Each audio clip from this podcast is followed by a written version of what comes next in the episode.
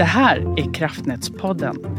Här tittar vi närmare på olika förbättringar som gör jobbet hos oss på Svenska kraftnät effektivare, enklare och roligare. Programledare är vår finansdirektör Peter Wigert. Hej! Idag ska vi prata om hur vi fått ner tiden det tar att teckna säkerhetsskyddsavtal med leverantörer och hur vi lyckats med det utan att tumma på säkerheten. Säkerhetsskyddsavtalets kontroller och krav på leverantörer gör att vi kan vara trygga med att inga känsliga uppgifter kommer på vift och vi förebygger informationsinhämtning och sabotage. Nu kan vi teckna hela tusen avtal per år och inte missa viktiga konsulter. Både snabbt och säkert alltså. Det här gynnar oss alla och gör att vi smidigt och effektivt kan komma igång med de projekt vi behöver för att komma framåt med vårt arbete. Hur har vi lyckats med det här då? Det ska dagens gäster förklara. Tina Johansson, enhetschef och Erik Lötmyr, säkerhetsskyddsanläggare. Välkomna! Tack! Tack, tack.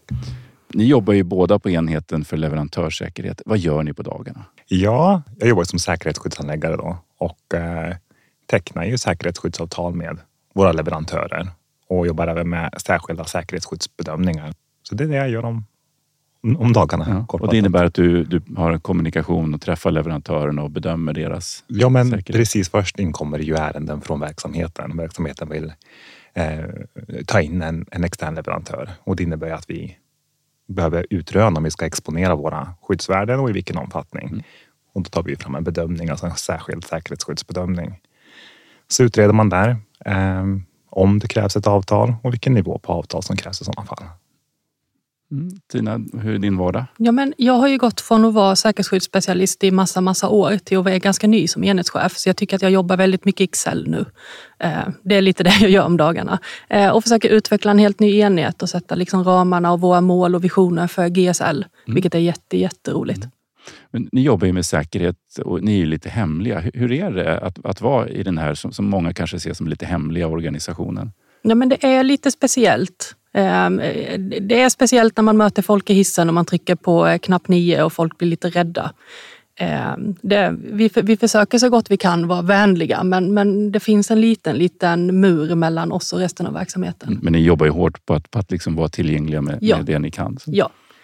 Eh, Och det är också en utmaning för oss för vissa saker får vi ju inte vara tillgängliga till så det är en liten balansgång. Så, vi ska ta oss in i eh, den här poddens eh, ämne. Vi börjar från början och det handlar om säkerhetsskyddad upphandling. Vad är det och varför behöver vi det? Ska vi, du började lite Erik, vill du, vill du fördjupa det? Vad, vad är det här egentligen? Ehm, En verksamhet som bedriver säkerhetskänslig verksamhet behöver ju utröna på vilket sätt verksamheten är säkerhetskänslig och vilka delar som, som är säkerhetskänsliga. Vi snackar skyddsvärden ofta, eh, pratar vi om. Som Erik säger, vi tittar vilken säkerhetskänslig verksamhet man kommer åt som den konsulten eller leverantören. Och en säkerhetskänslig verksamhet är egentligen det som kan orsaka skada så att vi inte kan drifta transmissionsnätet på det vi vill. Ehm, Så, så om vi vill låta en konsult komma i kontakt med det så måste vi teckna ett säkerhetsskyddsavtal. Eh, Och det är en ganska stor process och den har blivit större och större i och med de här laguppdateringarna som har kommit på säkerhetsskyddslagen. Och vi ska inte prata så mycket om det men om man har jobbat på Svenska kraftnät länge så tror jag att man märker av skillnaden på nivån på säkerhetsskyddsavtal och när och hur och var man behöver skriva det. Och det är ju för att det har kommit tre laguppdateringar på tre år. Eh, Och den sista uppdateringen var nästan bara på säkerhetsskyddad upphandling. Och det nya som har tillkommit är ju den här särskilda säkerhetsskyddsbedömningen, SSB, eh, som kan vara det mest hatade ordet på Svenska kraftnät. Men det är egentligen där man beskriver vilken säkerhetskänslig verksamhet som konsulten eller leverantören kommer åt som ligger till grund för den, det säker- säkerhetsskyddsavtal som man sen skriver. Eh, Så det är väl kortfattat det tror jag. Vill du lägga till något Erik? Eh, nej, jag tyckte att det var bra sammanfattat faktiskt. Hur, jag, en följdfråga där. Hur mycket förstår våra leverantörer vikten av det här säkerhetsarbetet som de behöver göra? Det här är ju en jättestor utmaning. Vi lever ju i den här världen hela tiden. Vi sitter ju och studerar hotbilden, eh, vägledningarna som kommer från olika myndigheter. Ehm, Och här har vi ett stort, ett viktigt uppdrag att förmedla det här till våra leverantörer. Så att eh, vi ser till att försöka utbilda dem så gott vi kan i säkerhetsskydd och vad det innebär att ingå ett säkerhetsskyddsavtal. Vilka krav som ställs. Och jag skulle säga de stora leverantörerna, alltså så de stora konsultbolagen, de har ju egna säkerhetsskyddschefer och organisationer för det här. Vår utmaning är ju så här enpersons konsultbolag som grävmaskinister eller betonghålpersoner. Eh, alltså den typen av väldigt hands-on jobb som då ska kanske teckna ett säkerhetsskyddsavtal för första gången. Det är ganska överväldigande för en enskild person att gå igenom det här. För vi ställer väldigt mycket krav. Ehm, så det är det som Erik säger, det är en utmaning också att liksom framföra det här på ett bra sätt till en sån leverantör. Mm.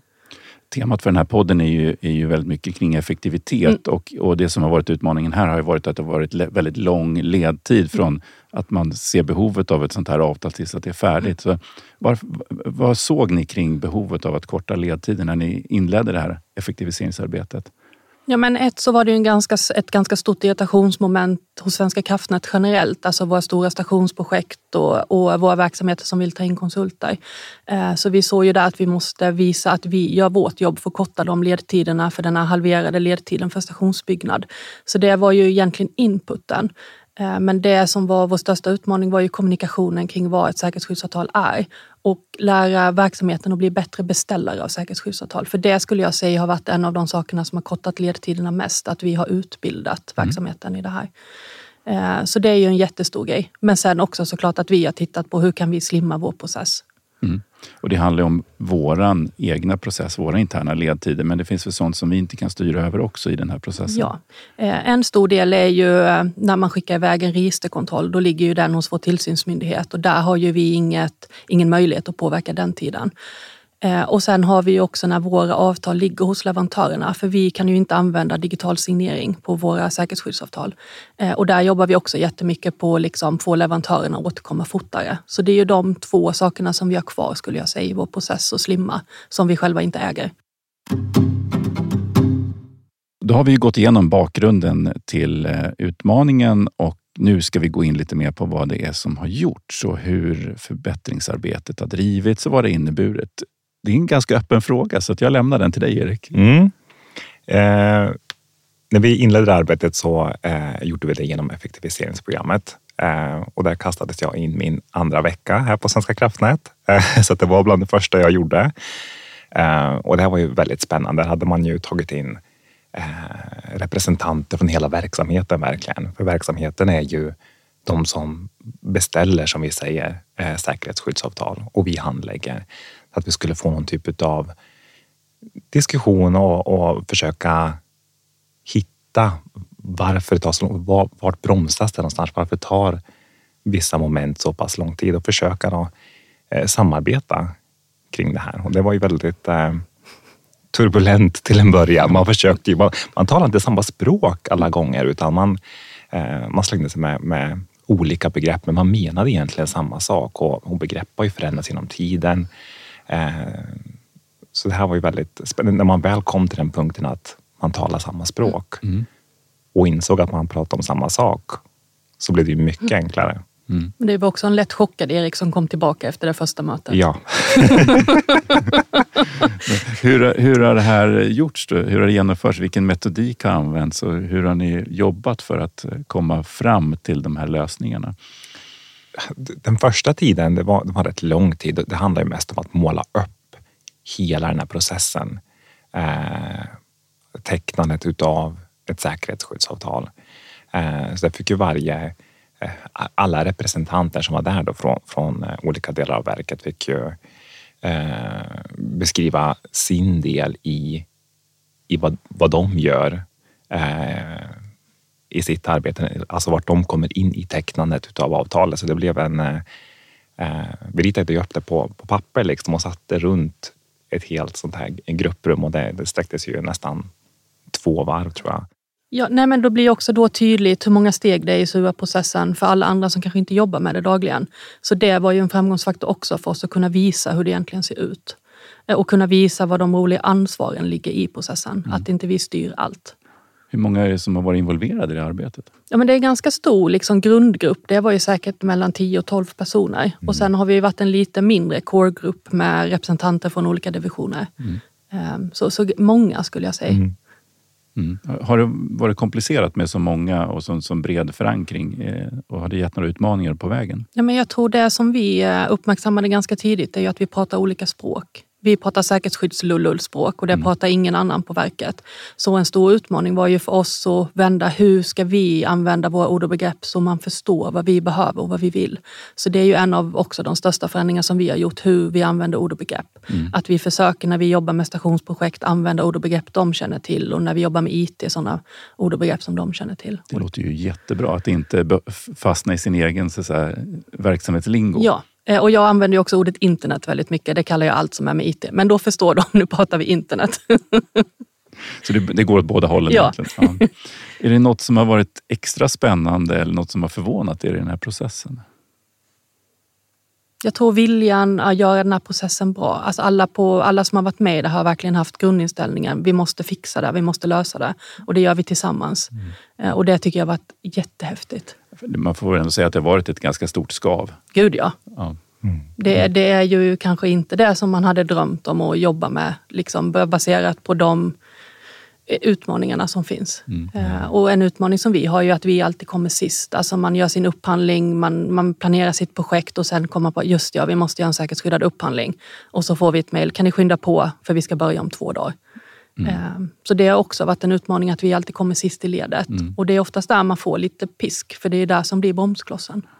Har det varit eh, utmanande för er att eh, hitta kraft i, i det här målet med halverade ledtider? Har det legat nära er eller har det känts som avlägset? Jag skulle säga att det ligger nära oss, för vi vill ju hjälpa till så mycket vi kan.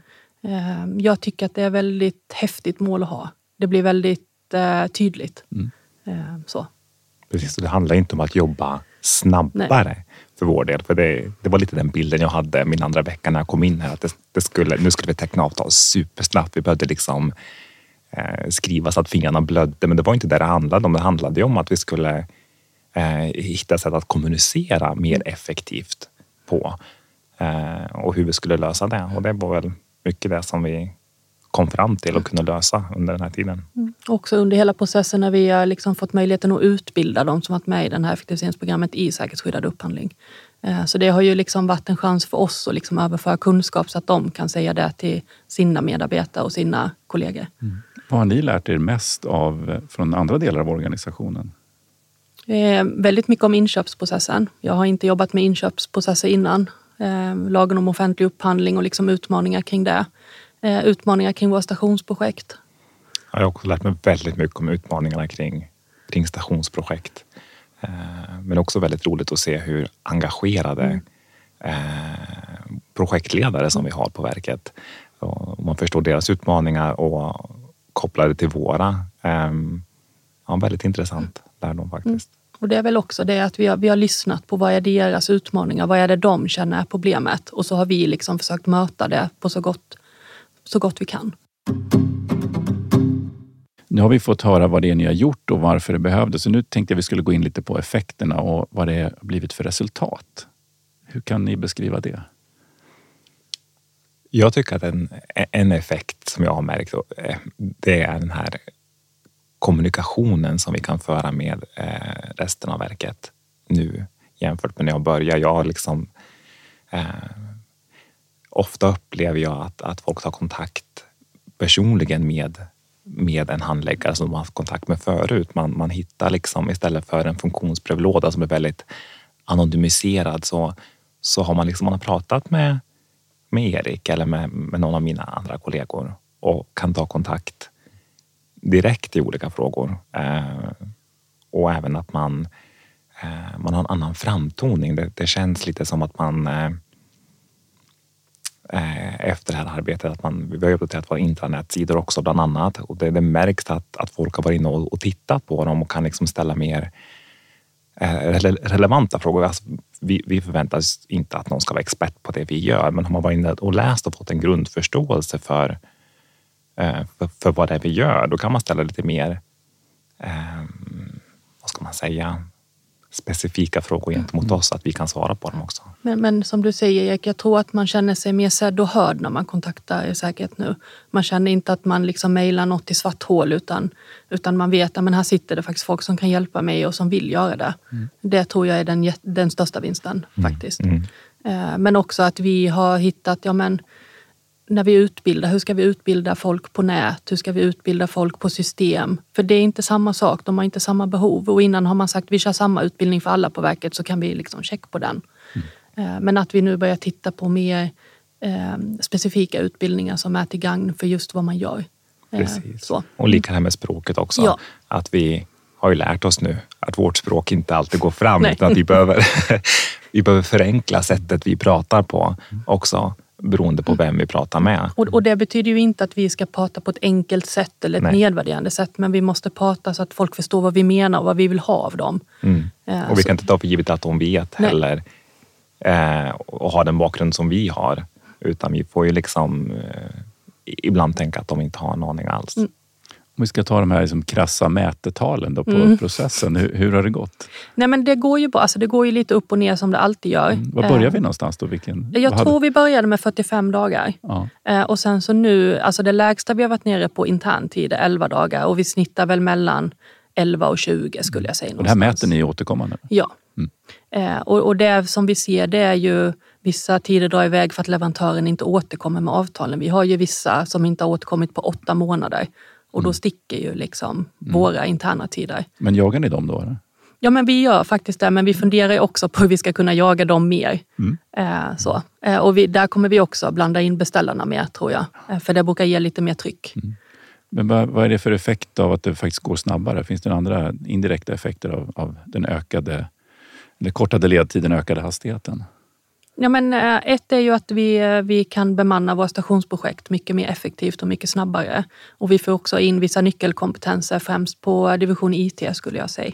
Ehm, det är ju en hyfsat lång process men, men i och med att vi har slimmat den så mycket vi kan så tappar vi ju inte konsulter på vägen. Nej. Eh, för det är väldigt få specialistkonsulter som kan sitta och vänta tre, fyra månader på ett uppdrag. Nej men absolut inte. Nej, men de vill ju börja jobba och vi behöver ju dem. Ja. Mm. Något annat som ja, effekter som ni har det spridit sig i andra myndigheter hur vi har jobbat? Eller? Ja, men det har det. Jag är ju ute ganska mycket och presenterar och när jag säger våra ledtider så håller ju folk på att ramla av stolen. Kul. Eh, på många myndigheter tar det ju sex månader till ett år att skriva ett avtal. Mm. Eh, vilket är en, vi har ju verkligen effektiviserat det här så mycket det går och är ganska mycket eh, en myndighet som man ser upp till i, i Sverige kopplat till säkerhetsskyddad upphandling och säkerhetsskydd generellt. Mm. Roligt. Men snabbhet är ju inte allt. Det måste ju fortfarande vara höga krav på säkerhet. Är, är det någon, någon utmaning med det? Blir det en, ett tveeggat svärd det här? Men jag tänker ändå att, som vi nämnde förut, att det handlar inte om att jobba snabbare utan vårt arbetssätt är ju detsamma, det vi gör om dagarna. Så. Eh, så vi, det handlar inte om att hoppa över något steg eller missa någonting så. Eh, utan vi, säkerheten kommer ju alltid först. Mm. Mm. Och det är det vi jobbar med, det är det vi tycker är viktigast. Och jag tror att vi har blivit bättre också på att möta verksamhetens behov och tänka lite utanför boxen så att vi inte hamnar i de här stopp, stopparna när vi tecknar säkerhetsskyddsavtal. Eh, och på det sättet kommer framåt fortare. Alltså vi hittar andra sätt att lösa säkerhetsfrågor mm. än vad vi har gjort innan. Mm.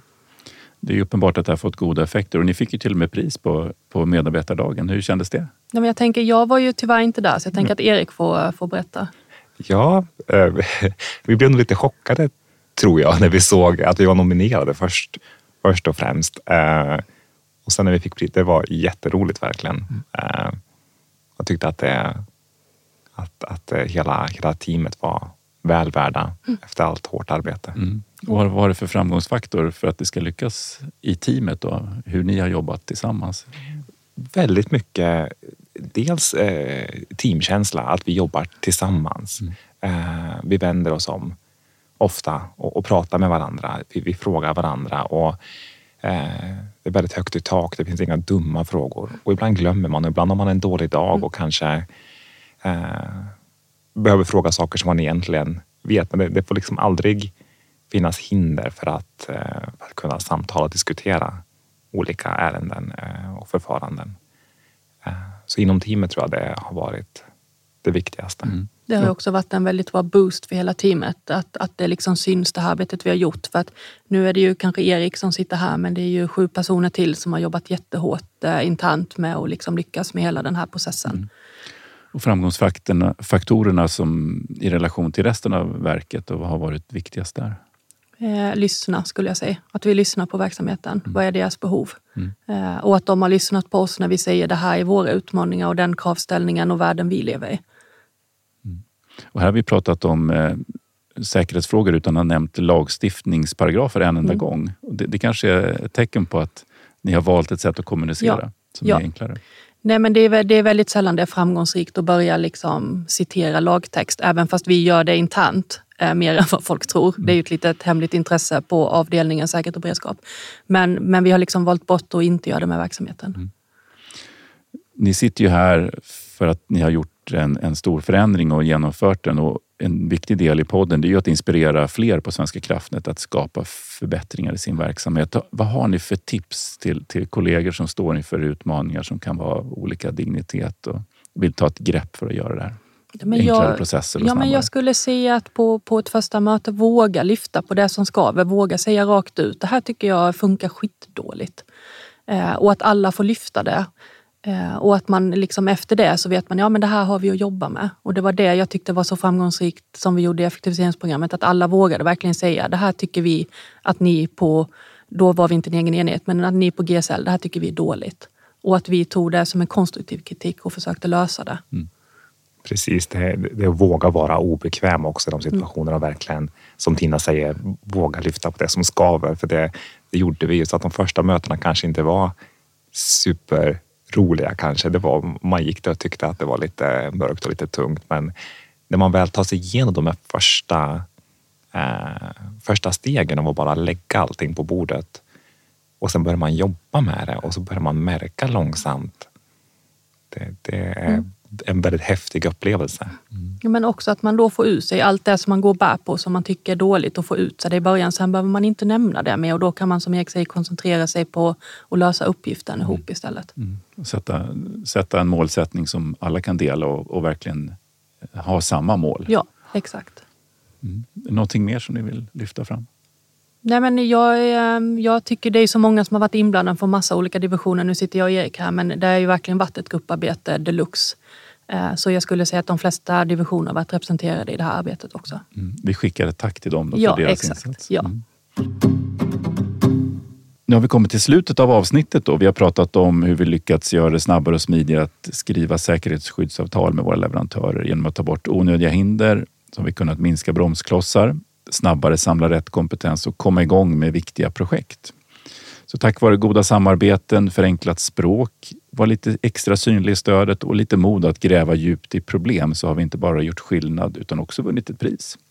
Så det är ju viktigt att stanna upp och verkligen uppskatta det arbete vi gör. Och hur har ni firat det här?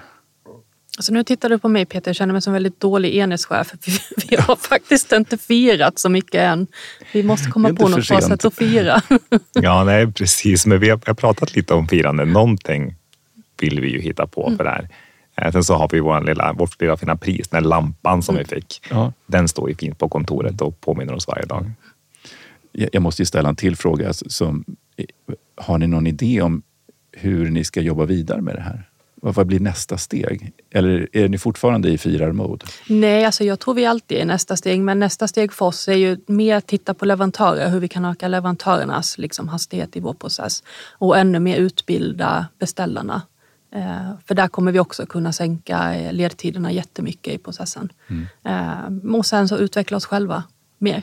Det är mm. också en stor del som vi har gjort. Vi har ju gått på föreläsningar om hur funkar en station. Vi har varit på stationsbesök. Vi har bjudit in IT-personer, fastighetspersoner, just för att öka vår egen kompetens. Mm.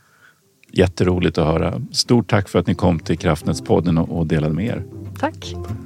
Det var allt för det här avsnittet och tack för att du lyssnat. Och glöm inte att följa podden så får du veta när nästa avsnitt släpps. Och välkommen att höra av dig med frågor och förslag till kraftnadspodden svk.se. Vi hörs snart igen.